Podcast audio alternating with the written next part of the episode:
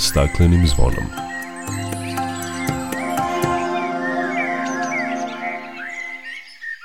Dobar dan, dobrodošli na Zeleni talas prvog programa radija Radio Televizije Vojvodine. Ja sam Dragana Ratković. Danas se u svetu i kod nas obeležava 5. jun Dan zaštite životne sredine. Ove godine centralni događaj pod sloganom Samo jedna zemlja održava se u Švedskoj, koja je bila domaćin međunarodnog sastanka na visokom nivou Stockholm plus 50.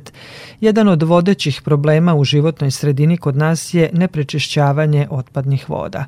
U temi emisije govorit ćemo o održivom upravljanju otpadnim vodama i kako prečišćavanje otpadnih voda možemo iskoristiti za dobijanje energije kao đubrivo za njive i tako dalje. Jedan od globalnih problema u životnoj sredini su i sve veće količine plastike. Mikroplastika čini 12% plastičnog otpada koji završava u životnoj sredini i takođe izaziva veliku zabrinutost. Čućete priču o našoj naučnici Lari Dronjak koja istražuje mogućnost povećanja efikasnosti postrojenja za prečišćavanje otpadnih voda od mikroplastike.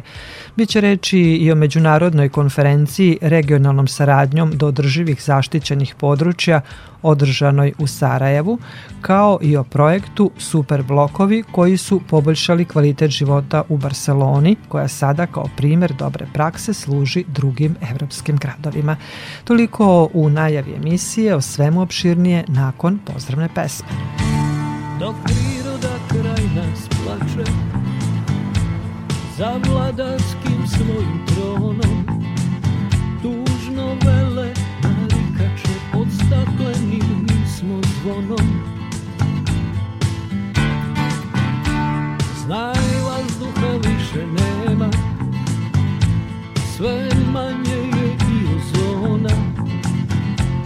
Protiv sebe ide čovek i to često bez pardona. Uništenju živog sveta kao da su ljudi skloni Čovek sam je sebi meta Zbog njega ovo zvono zvoni Uništenju živog sveta Kao da su ljudi skloni Čovek sam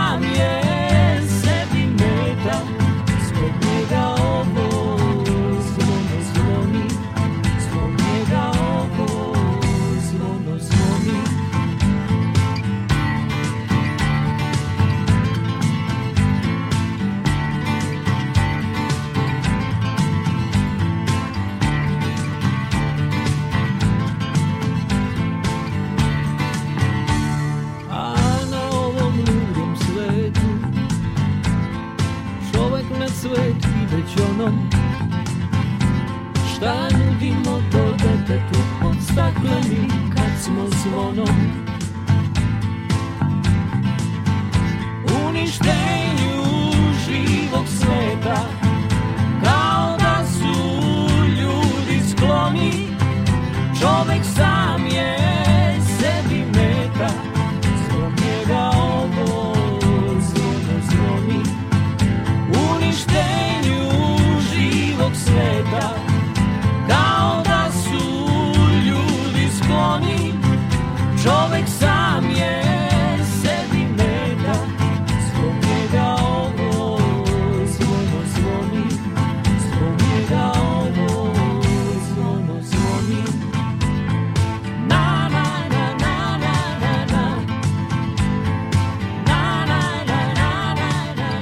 Danas, 5. juna, obeležava se najveći Međunarodni dan zaštite životne sredine. Predvođen programom Ujedinjenih nacija za životnu sredinu, koji se održava svake godine od 1974. događaj je prerastao u najveću globalnu platformu za zaštitu životne sredine. Sa više od 150 zemalja koje učestvuju, ovaj Međunarodni dan Ujedinjenih nacija uključuje vlade, kompanije, civilno društvo, škole, poznate ličnosti, gradove i zajednice, podižući svest i slaveći ekološke akcije. Svake godine domaćin Svetskog dana zaštite životne sredine je druga zemlja u kojoj se održavaju zvanične proslave, a država domaćin ove godine je Švedska. Centralni događaj održava se pod sloganom Samo jedna zemlja sa fokusom na promene koje bi trebalo napraviti zarad zdravijeg života u skladu sa prirodom. Svetski dan zaštite životne sredine ove godine je prilika da se prikažu neke od pionirskih radova Švedske na zaštiti životne sredine u poslednjih 50 godina. Na Stokholmskoj konferenciji formalizovana ideja o Svetskom danu životne sredine koji je prvi put obeležen 1974. godine. Međunarodni sastanak na visokom nivou Stockholm plus 50 održan je 2. i 3. juna u Švedskoj nekoliko dana pre Svetskog dana zaštite životne sredine. Pored obeležavanja 50 godina od prve konferencije Ujedinjenih nacija o životnoj sredini, cilj ovog međunarodnog sastanka bio je da ubrza sprovođenje aktivnosti koje doprinose ostvarivanju globalnih ciljeva održivog razvoja, sporazuma iz Pariza o klimatskim promenama, kao i zeleni oporavak od posledica pandemije COVID-19. U okviru priprema naše zemlje za učešće na konferenciji Stockholm plus 50 održane su nacionalne konsultacije na kojima su predstavljene najvažnije preporuke različitih aktera u društvu o tome šta Srbija treba da preduzme kako bi smanjila zagađenje životne sredine, očuvala biodiverzitet i adekvatno odgovorila na izazove klimatskih promena. Ove preporuke prikupljene za vreme dijaloga uključene su u nacionalni izveštaj koji je delegacija naše zemlje predstavila na konferenciji u Stokholmu. I ove, kao i prethodnih godina, raznim akcijama i programima u našoj zemlji obeležava se Svetski dan zaštite životne sredine a jedan od vodećih problema u životnoj sredini kod nas je ispuštanje neprečišćenih otpadnih voda. Nedavno su se predstavnici francuskih gradova i preduzeća koja se bave upravljanjem otpadnim vodama susreli sa naučnicima iz Srbije i predstavnicima vojvođanskih lokalnih samouprava na seminaru nazvanom Održivo upravljanje vodama od otpadnih voda do stvaranja vrednosti. Cilj skupa održanog u pokrajinskoj skupštini bio je predstavljanje primera dobre prakse i razmena iskustava u upravljanju vodama. O prečišćavanju i održivom upravljanju otpadnim vodama razgovarala sam sa vodećim stručnjakom u ovoj oblasti, profesorom Božom Dalmacijom, koji je učestvovao na ovom skupu znamo da je procenat neprečišćenih otpadnih voda kod nas izuzetno visok i da ne prečišćavamo otpadne vode, ali to u poslednje vreme mnogo se priča o tome, priča se o izgradnji novih prečistača otpadnih voda u narednom periodu. Kakva je trenutno situacija u Vojvodini? Pa u Vojvodini jako malo se prečišćava, postoji mali broj gradova koji prečišćava otpadne vode kao što je Sombor, Kikinda, Vršac, ajde kažemo ovaj, Subotica, ono postrojenje što je u Urbasu što nije u potpunosti uhodano i ima dole još u Sremu ovaj, i manjih postrojenja u Magliću i tako dalje. Znači, ali to je mali broj postrojenja u odnosu na količinu zagađenja i na, i na broj naselja koji se e, nalazi u Vojvodini, tako da ne možemo biti zadovoljni sadašnjim stanjem ovaj, prečišćavanja otpadnih voda. Poglavlje 27 e, smo otvorili. Šta nam je činiti, jer sigurno je da moramo preduzeti određene korake i šta se trenutno preduzima? Pa i što je bio cilj ovog seminara je zapravo šta treba preduzeti. Posebno, pošto je bio u Vojvodini, mi smo e, pričali šta će zapravo biti problem u sistemu prečišćavanja i rekao sam, mi imamo, smo imali saradnju sa Nemcima i pričali i pre 5-6 godina meni je ovaj čovjek iz Nemačke rekao, vi imate sreće, ja kažem kako imamo sreće kad ne prečišćavamo otpadne vode. Kaže, da, ali sad kad budete ovaj, e, projektovali postrojenje, projektovat ćete po novoj tehnologiji. Ili šta je problem? Problem je ovo što se i dešava u svetu, poskupljenje energije. Znači, mi znamo da u toku, u samom toku prečišćavanja postoje različite tehnologije koje troše različite količine energije.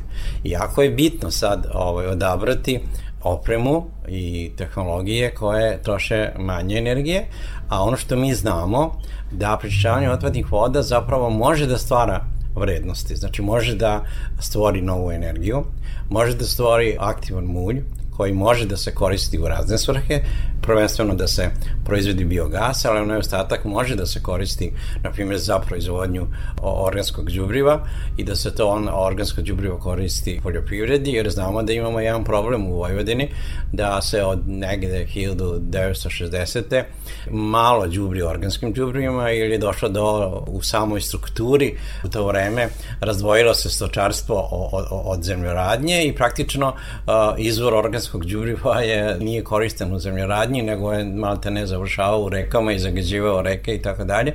I nestalo je organskog ugljenika, da kažem, huminskih materija, ono što čini humus plodnim i bilo bi jako dobro da se to sad vrati nazad. Nedovoljno je broj stoke, da kažemo, i da sad uspostavimo vraćanje đubriva iz stočnih farmi, to je sad nedovoljno. Ono što je dovoljno i što bi na neki način omogućilo i volju poljoprivredu da se sad taj aktivan mulj koristi kao organsko đubrivo, jer on sadrži prvenstveno određenu količinu ugljenika, koji je jako potrebno zemljište da bi zemljište moglo da ima određenu vlažnost, da bi bilo otporno na sušu i tako dalje.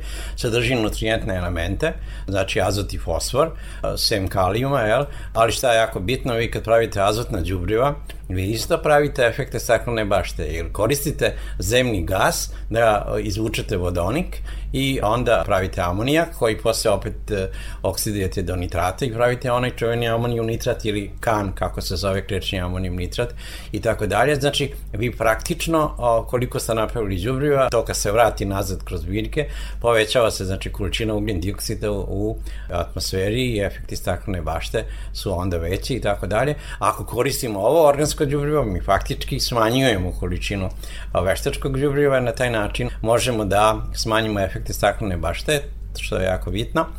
Znači, pravimo što manje mineralnih materija, to trošimo što manje energije, to je jako bitno, znači ako tako razmišljamo o tome, o tome smo pričali i pričali smo o tome da Vojvodina jeste nastala na taj način što su napravljeni kanali da se voda odvede svoje vremeno, da se smanji broj bara i tako dalje i komaraca i svega onoga da bi došlo do naseljavanja Vojvodine. Međutim, sad se primetilo zbog ovih e, promjena i tako dalje da je to nedovoljno, da imamo sušne periode i da e, u tim sušnim periodima treba da imamo vode. Baš kad treba nam puno vode, onda moramo da crpimo vodu iz Dunava, gore kod Bogojeva i Bezdana i da bi ovaj, napunili vodu u kanalima i vršili navodnjavanje. Pa je drugi efekt prečišćavanja otpadnih voda bitan da te vode ne bacamo.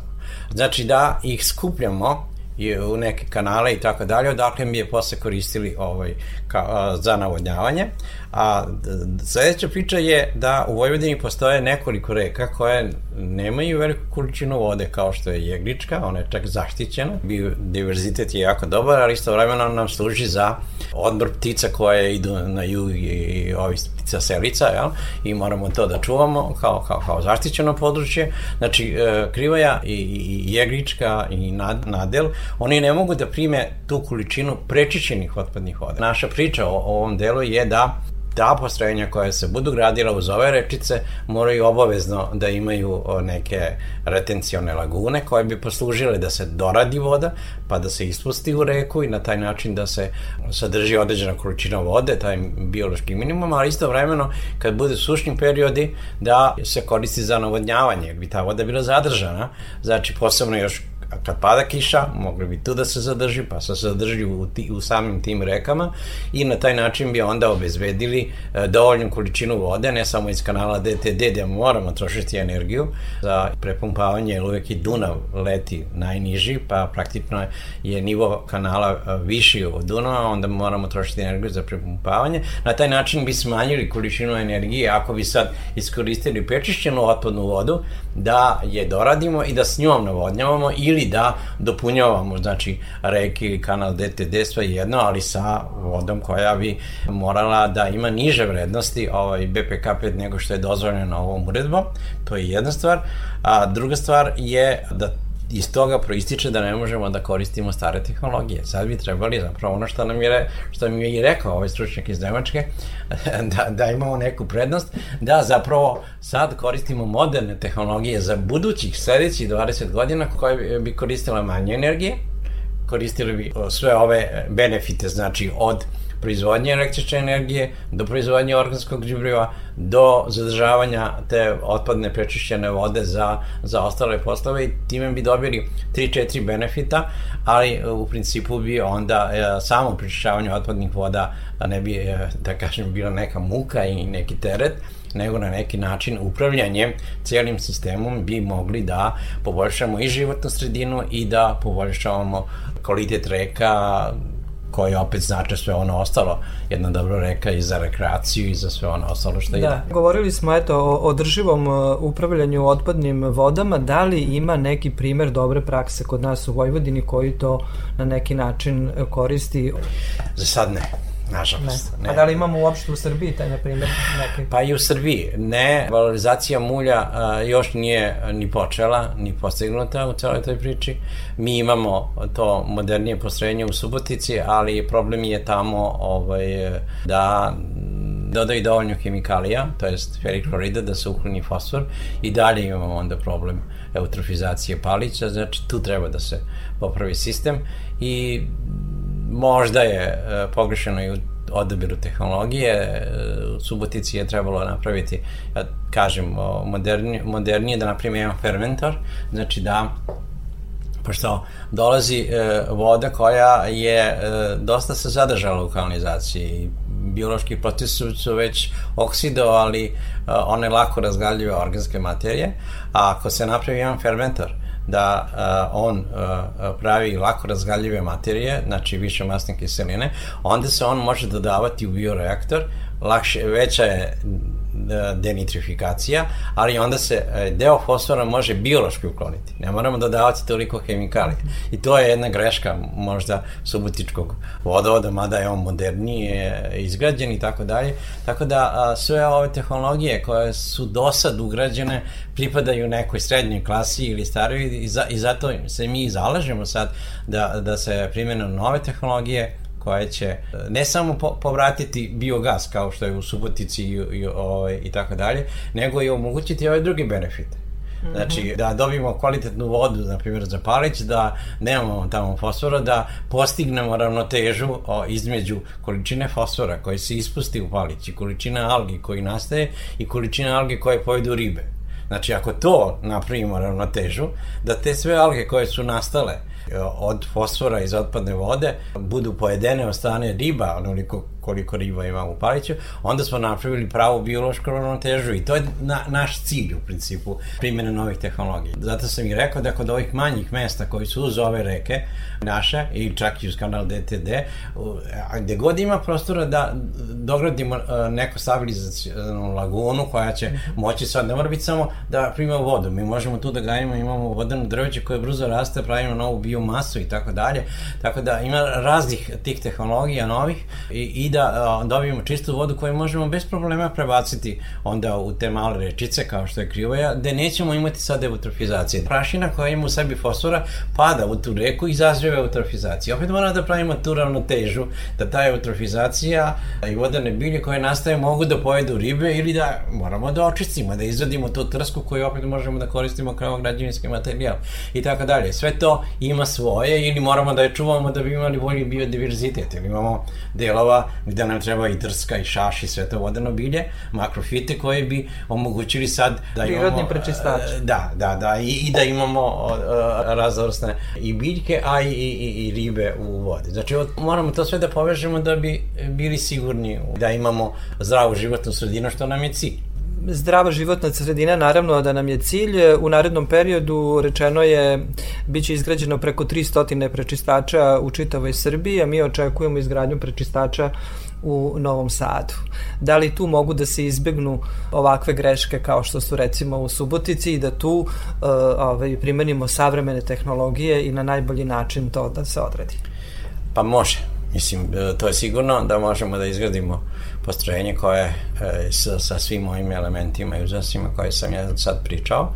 ali e, nažalost e, ono koliko ja znam postrojenje je projektovano da nije tog tipa da je starijeg tipa i da je to problem i po meni bi to trebalo da se promeni i da se preprojektuje i da se obezbedi sve ovo, znači istovremeno uklanjanje svih tih elemenata u sistemu, da se upravlja kanalizacijom. Mi jedan deo projekta sad radimo za grad, da napravimo odluku grada ko, kako može da ispršte u kanalizaciju, pripremamo polako, da u kanalizaciju dospeju samo one biorazgadljive organske materije koje će omogućiti da se mulj koristi u poljoprivredi ili u šumarstvu, svejedno. Dalje da kažemo za pašnjak, u svakom slučaju nije bitno. Bitno je da ovaj, ne završava negde na deponiji, da je to organska materija sa azotom i fosforom.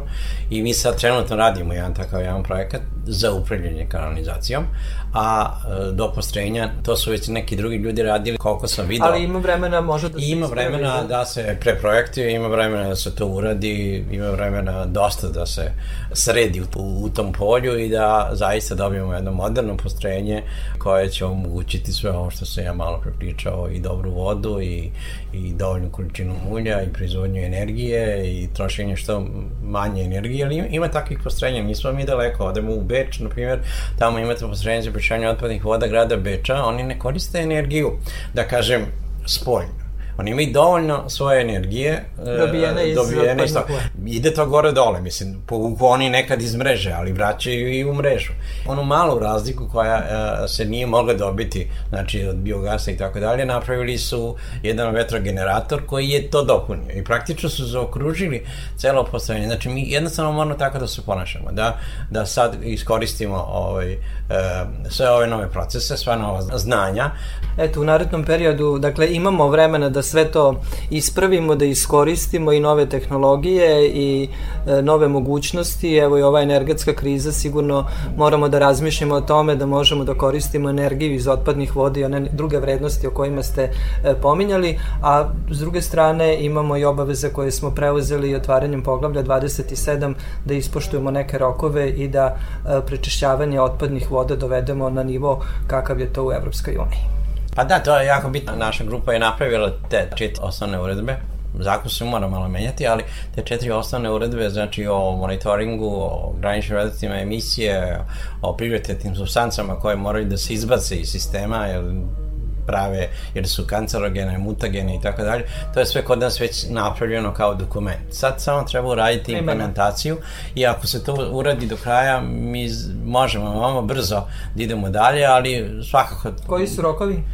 Pa, nažalost, rokovi za komunalne vode su 2040. i to nam je čak i Evropa predložila da bi povukli deo para iz Evropske unije. Za industriju je to 2025 oni moraju, znači, do 2025. oni bi već sad morali imati rešenja, to je jako blizu. Da, akcijni planovi su bili do 2018. Pa da, onda smo, ali ja mislim da se to nije puno odmaklo i to je sad on, onaj sledeći problem. To je, znači, ljudi. Znači, ljudi koji treba da budu školovani, da budu na radnim mestima od inspektora do operatera, da znaju svoj posao. Mi toga nemamo to je problematično. Mnogi bi rekli da, da je najveći problem novac koji nemamo, a u stvari ni ne razmišljamo o ljudskim kapacitetima da. koji, koji nam nedostaju. Ljudski resursi, to, to, to će biti jedno od osnovnih problema, jer mi ne bi ni došli do ovoga da smo imali ljudske resurse kako treba i moja tvrdnja je da mi nemamo zaista zaista dovoljno stručnih ljudi da uspostavimo upravljanje bilo čega za sad. Nemamo dovoljno. Imamo, ali nemamo dovoljno. Beležavamo 5. jun, e, Svetski dan zaštite životne sredine. Stvari se pomeraju kada je reč o životnoj sredini i ukoliko se potrudimo, zaista možemo očekivati bolje stanje životne sredine. Koja bi poruka vaša bila tim povodom? Pa poruka je moja da iz onog čuvenog kustopičnog filma ovaj, Cetja sa Doli Bear, svaki dan u svakom pogledu sve više da napredujemo. Znači svaki dan u ovoj oblasti da sutra bude bolje. Da više uradimo i time bi onda polako pomeranjem od da kažem naših ponašanja pa do ovaj pravljenja raznih uređaja i tako dalje i postavljanja ljudi koji ovaj se razumeju u ovoj oblasti i poštujući sve ove sad probleme koji su se pojavili sa energijom da svaki dan ako pomeramo sistem da ćemo jedan dan nadam se brzo doći do zdrave životne sredine i da ovaj, neće nam biti ovako stanje kao što jeste. Hvala vam najlepše. Molim. No, no, no.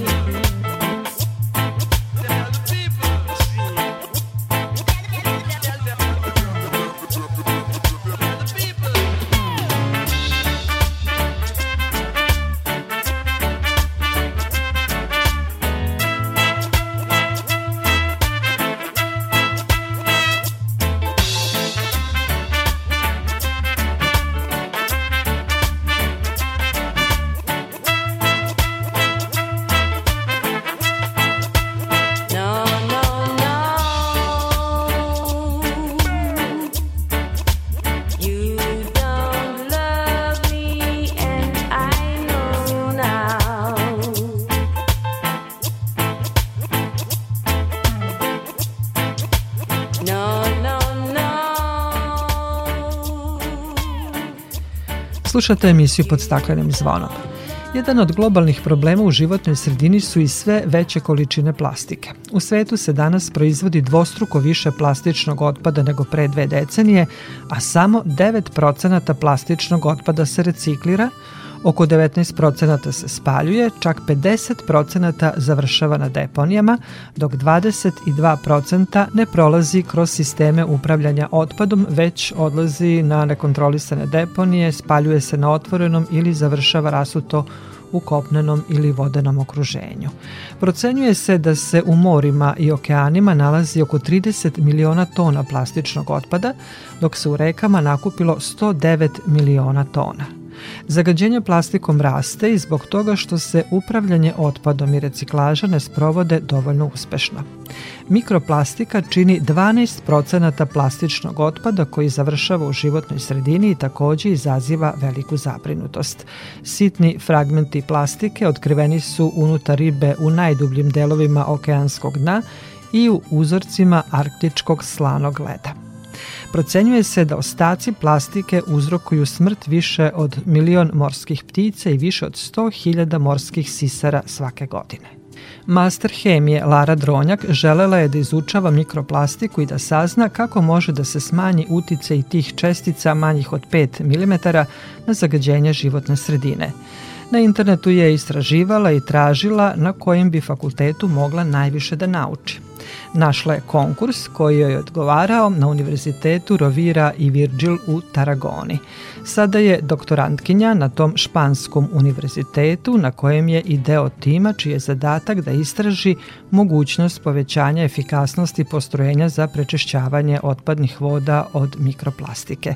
Više o tome u priči Mirjane Damjanović-Vučković. Master hemije Lara Dronjak, 27-godišnja novosađanka, osnovne i master studije završila je na Prirodno-matematičkom fakultetu u rodnom gradu, a sada je doktorant i stipendistkinja univerziteta u Španiji. U Taragoni, Univerzitet Rovira i Virgili, departman za hemijsko inženjerstvo. Moj prvi plan je bio da ja ovde završim e, doktorske studije, Međutim, nisam uspela da pronađem mentora i počela sam da tražim nešto u inostranstvu.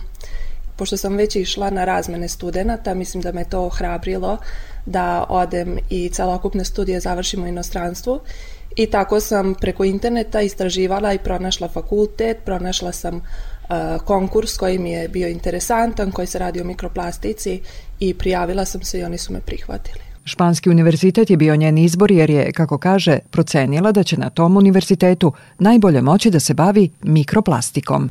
To su čestice plastike koje su manje od 5 mm.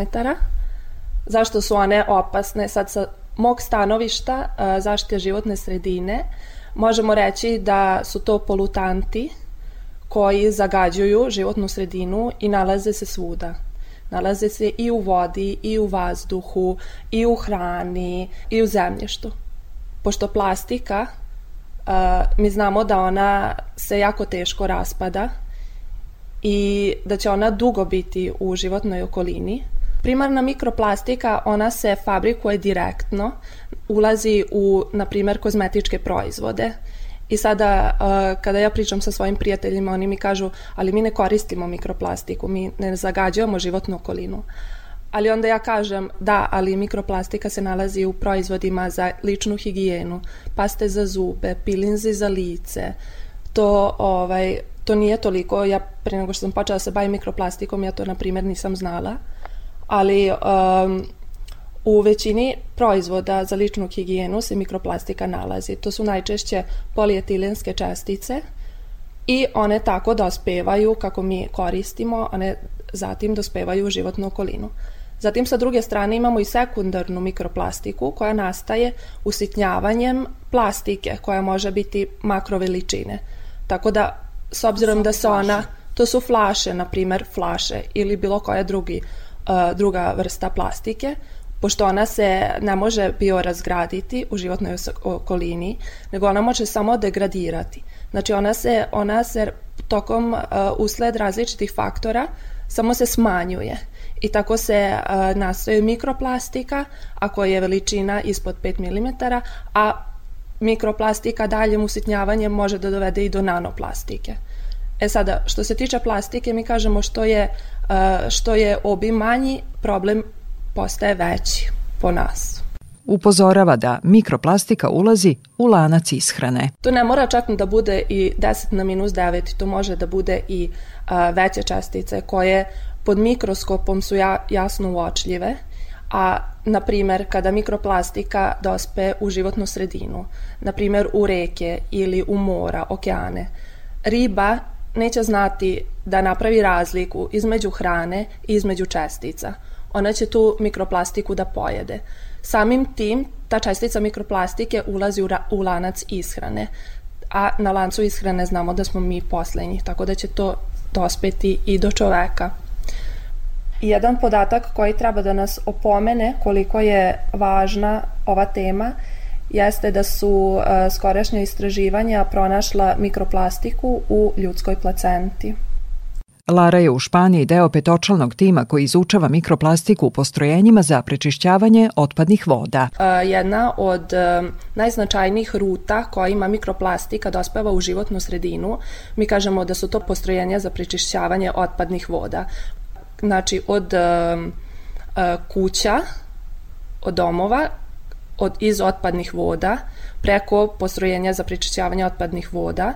Mi kada koristimo kozmetičke proizvode, sredstva za ličnu higijenu, sredstva za čišćenje, to sve sadrži mikroplastiku i zbog toga kako oni dospeju od kuća do životne sredine preko otpadnih voda i postrojenja za prečišćavanje otpadnih voda. Tako da je moj zadatak da otkrijem u kojim merama, u kojim količinama se oni nalaze u otpadnim vodama i da to probam da na neki način poboljšam um, efikasnost prečišćavanja tih uh, postrojenja. U Španiji su, kaže, visoko postavili lestvicu kojom će biti zadovoljni procentom efikasnosti postrojenja za prečišćavanje. Mi smo završili jedan deo istraživanja i videli smo da je, na primer, za uh, otklanjanje mikroplastike efikasnost postrojenja veća od 95%, što je stvarno na zavidnom nivou. E sada, uh, ono što se meni sviđa je da to njima nije dovoljno, da oni žele još više od toga.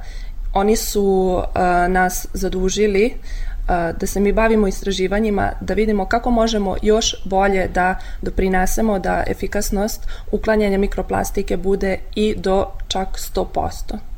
I još jednom podsjećanje, plastika ne može da se biorazgradi, ona samo može da se raspada pa dobijemo mnogo sitnih delova plastike.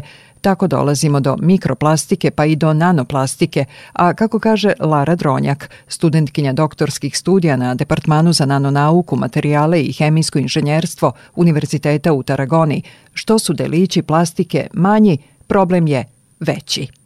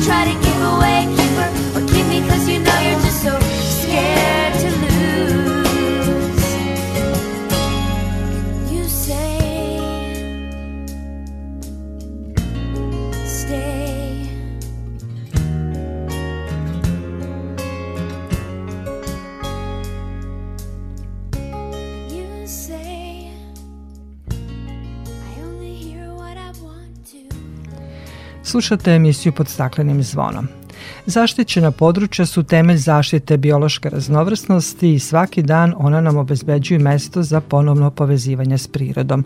Ona su na dobrobit čitavom društvu. Svetska organizacija za zaštitu prirode WWF i parkovi Dinarida, koju čini mreža više od 100 zaštićenih područja u Srbiji, Albaniji, Bosni i Hercegovini, Crnoj Gori, Hrvatskoj, Severnoj Makedoniji i Sloveniji, organizovali su u Sarajevu od 31. maja do 2. juna međunarodnu konferenciju nazvanu regionalnom saradnjom do održivih zaštićenih područja.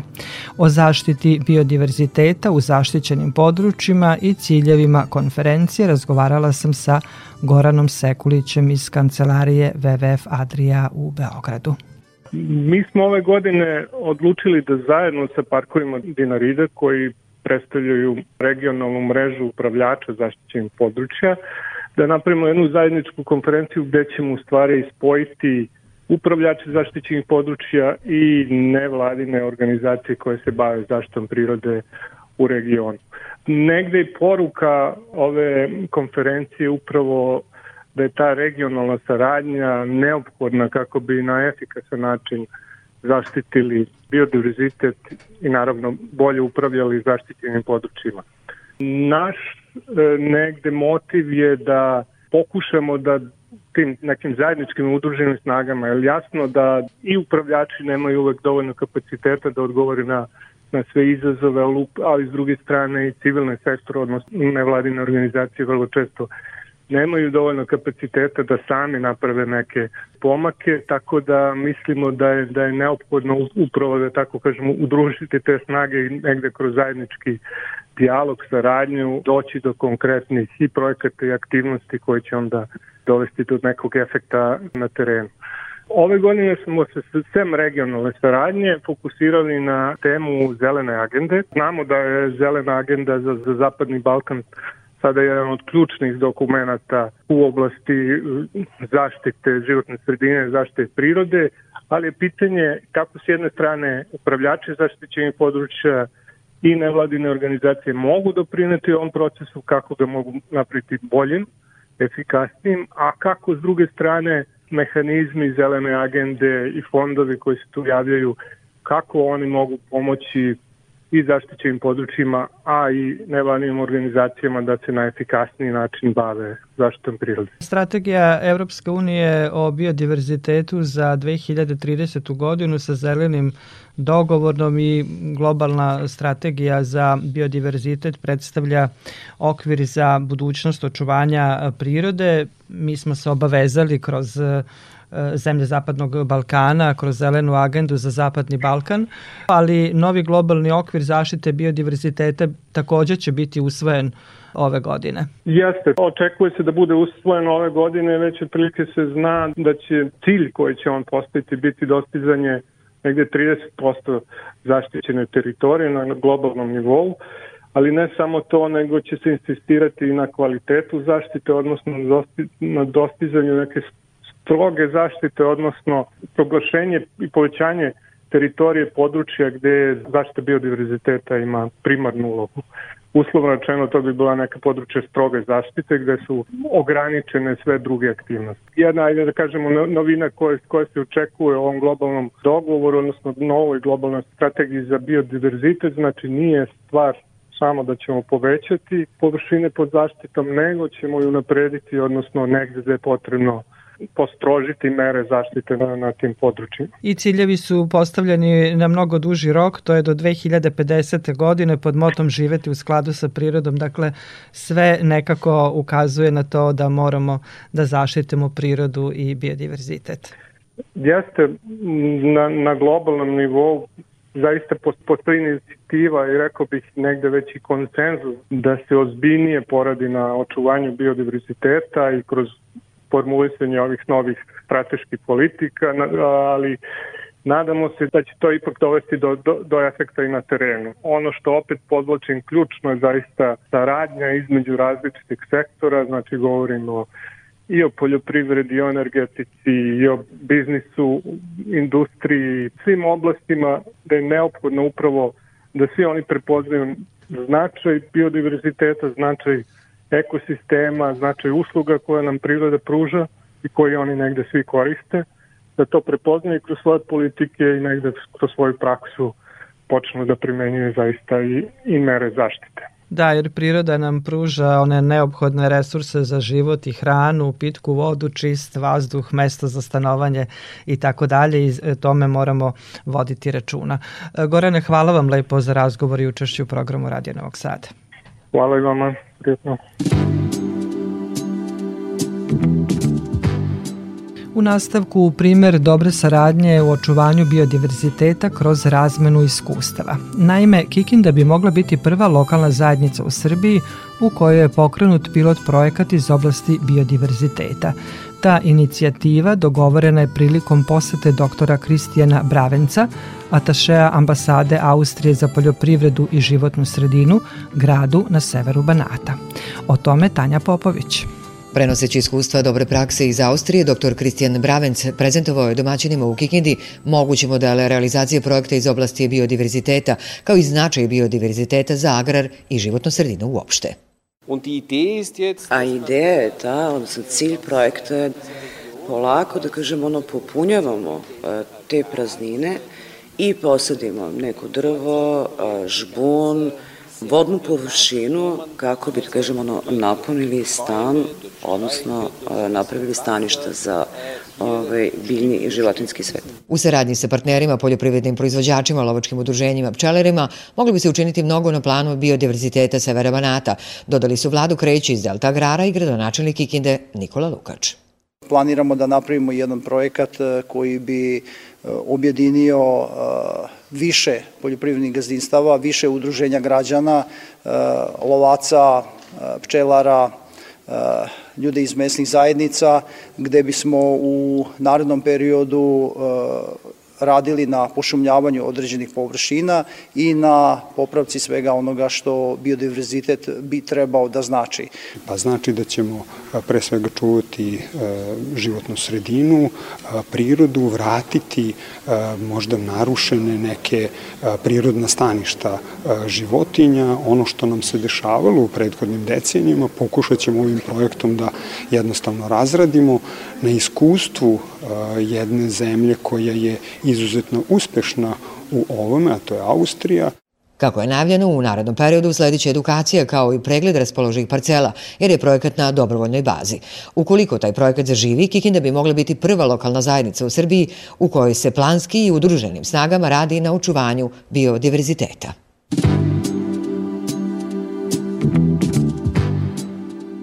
Slušate emisiju pod staklenim zvonom. Španija je jedna od zemalja koja je mnogo uradila i još uvek radi na zaštiti i unapređenju stanja životne sredine. Gradske vlasti Barcelone poslednjih godina se intenzivno bave pitanjima kako građanima vratiti javni prostor, čist vazduh i zelene površine i učiniti gradove humanijim za život. Implementacija projekta Superblokovi počela je 2016. godine i to je značajno uticalo na poboljšanje kvaliteta života u katalonskoj prestonici. Za kratko vreme projekat je naišao na pozitivne reakcije javnosti i poslužio kao primer i drugim evropskim gradovima.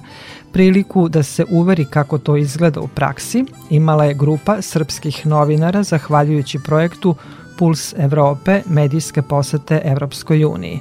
Među njima je bila i naša Ivana Maletin-Ćorilić. Čujmo njenu priču o superblokovima u Barceloni.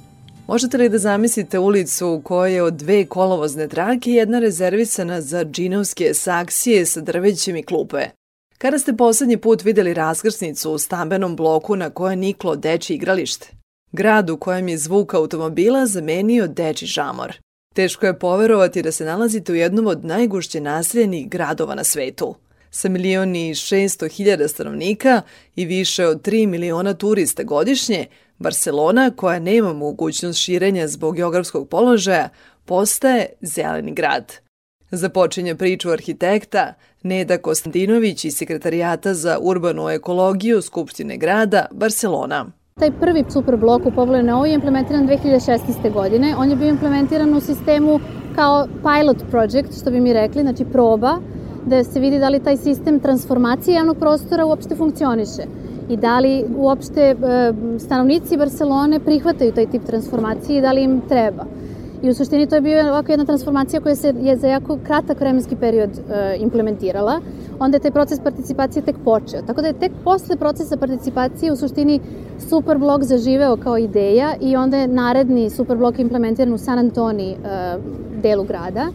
I sada trenutno imamo tu strategiju, što bi mi rekli scale up, je tako? To je znači promena razmere superbloka i strategija da se implementira u delovima grada pojedinačno, u stvari je ideja da se razvije u celom gradu Barceloni. To je u suštini ideja implementiranje transformacije javnog prostora e, putem tih e, zelenih koridora koji imaju višestruku funkciju u gradu, znači vraćanje prostora e, stanovnicima, odnosno pešacima i oduzimanje od e, saobraćaja, odnosno od privatnih vozila najviše i uz to prosto obezbeđenje javnih zelenih površina i unapređenje tih zelenih površina u gradu, obzirom da je Barcelona grad koji je jako gust i gusto izgrađen i nema velikih zelenih površina. Tako da svaki, što mi kažemo, svaki ćošak mora da se iskoristi da se ozeleni grad još više.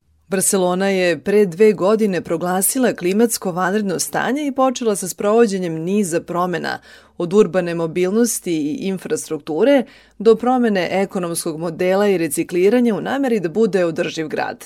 nicanje urbanih bašta u širem centru, davno zaboravljeno jutarnje ispijanje kafe sa komšijama i dečje igranje na ulicama samo su neke od novina izazvanih uvođenjem superblokova. Gradske četvrti poprimile su humaniji izgled koji pritom prati i skok cena i rast tražnje na tržištu nekretnina, ali i procvat lokalnih ugostiteljskih objekata. Na osnovu kratke šetnje i razgovora sa njihovim stanovnicima stiče se utisak da superblokovi od njih nisu zahtevali velika odricanja, već usvajanje nekoliko prostih pravila za udobniji život. Ideja je da svaki superblok bude javni prostor u kome prioritet imaju pešaci.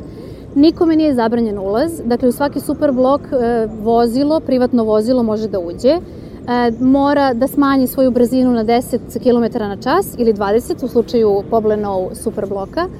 E, tako da u suštini ideja je da se prostor transformiše tako da je deljeni prostor u pitanju, da više to nije prostor koji je isključivo za, za saobraćaj, već je to prostor koji ima više funkcija i koji uglavnom donosi još jednu vrednost prostoru, a to je taj prostor za socijalizaciju, odnosno e, poboljšava e, međuljudske odnose i prosto to je prostor gde vi možete da, da upoznate ljude i da se, da se družite sa njima, jer mi smatramo da grad čine građani grada.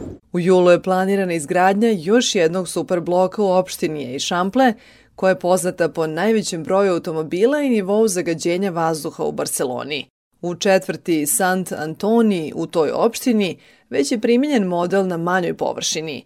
Po njegovom završetku 2019. godine nivo zagađenja azot dioksidom je smanjen za 33%, a buka za 4 do 5 decibela. Broj automobila je opao za 82% u samom bloku, dok je u okolnim ulicama povećan za 22%. Barcelona je grad koji ima jako veliki nivo e, zagađenosti vazduha i takođe ima jako veliki nivo buke. Tako da ima, opet, sa druge strane, mali procenat zelenila gradskog.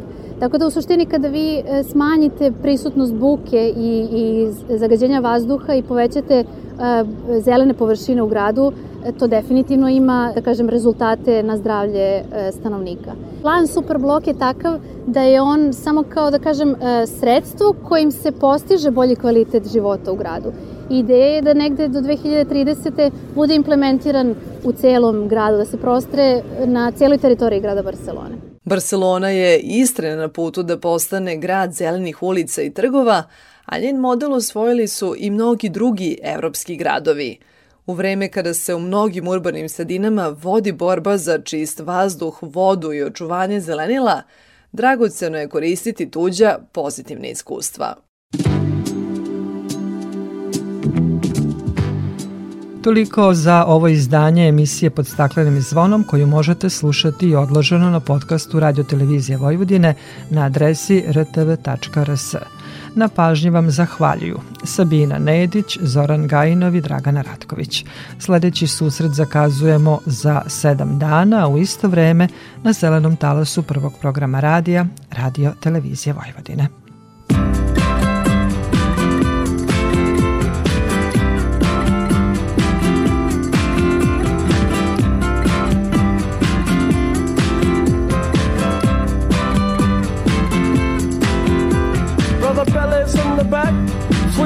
In the front, cruising down the freeway in the hot, hot sun. Suddenly, red blue lights flash us from behind. Loud voice booming, please step out onto the line. Ballet bridge words of comfort, Cena just hides her eyes. Policeman taps the shades, is that a Chevy 69? How bizarre!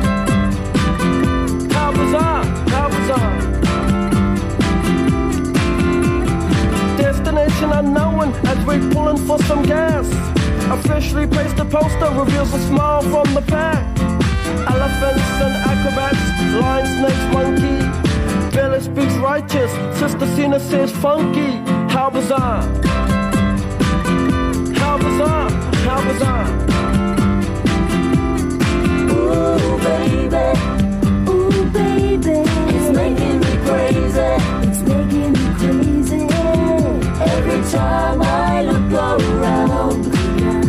Every time I look around, every time I look around, every time I look around, it's in my face. Ring my the elephants left town. People jump and jive, and the clowns are stuck around. TV news and cameras, there's choppers in the sky. Marines, police, reporters ask where, for, and why. Billy yells, we're out of here. Says, right on. Making moves and starting grooves before the new were gone. Jumped into the Chevy, headed for big lights. Wanna know the rest? Hey, by the rights, how bizarre. How bizarre, how bizarre.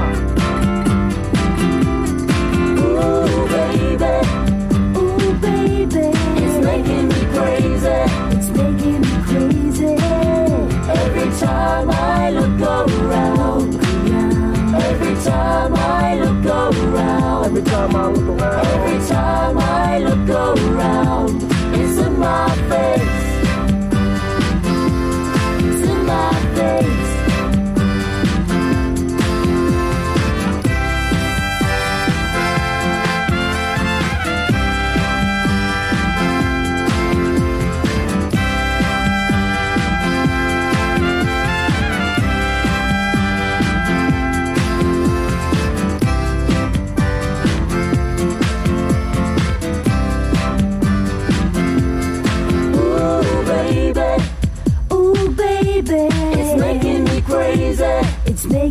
crazy.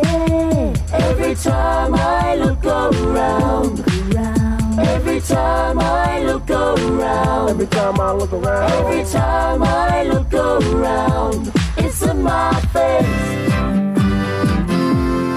Ooh, baby. Ooh, baby. It's making me crazy. It's making me crazy. Every time I look around time I look around, every time I look around, it's in my face.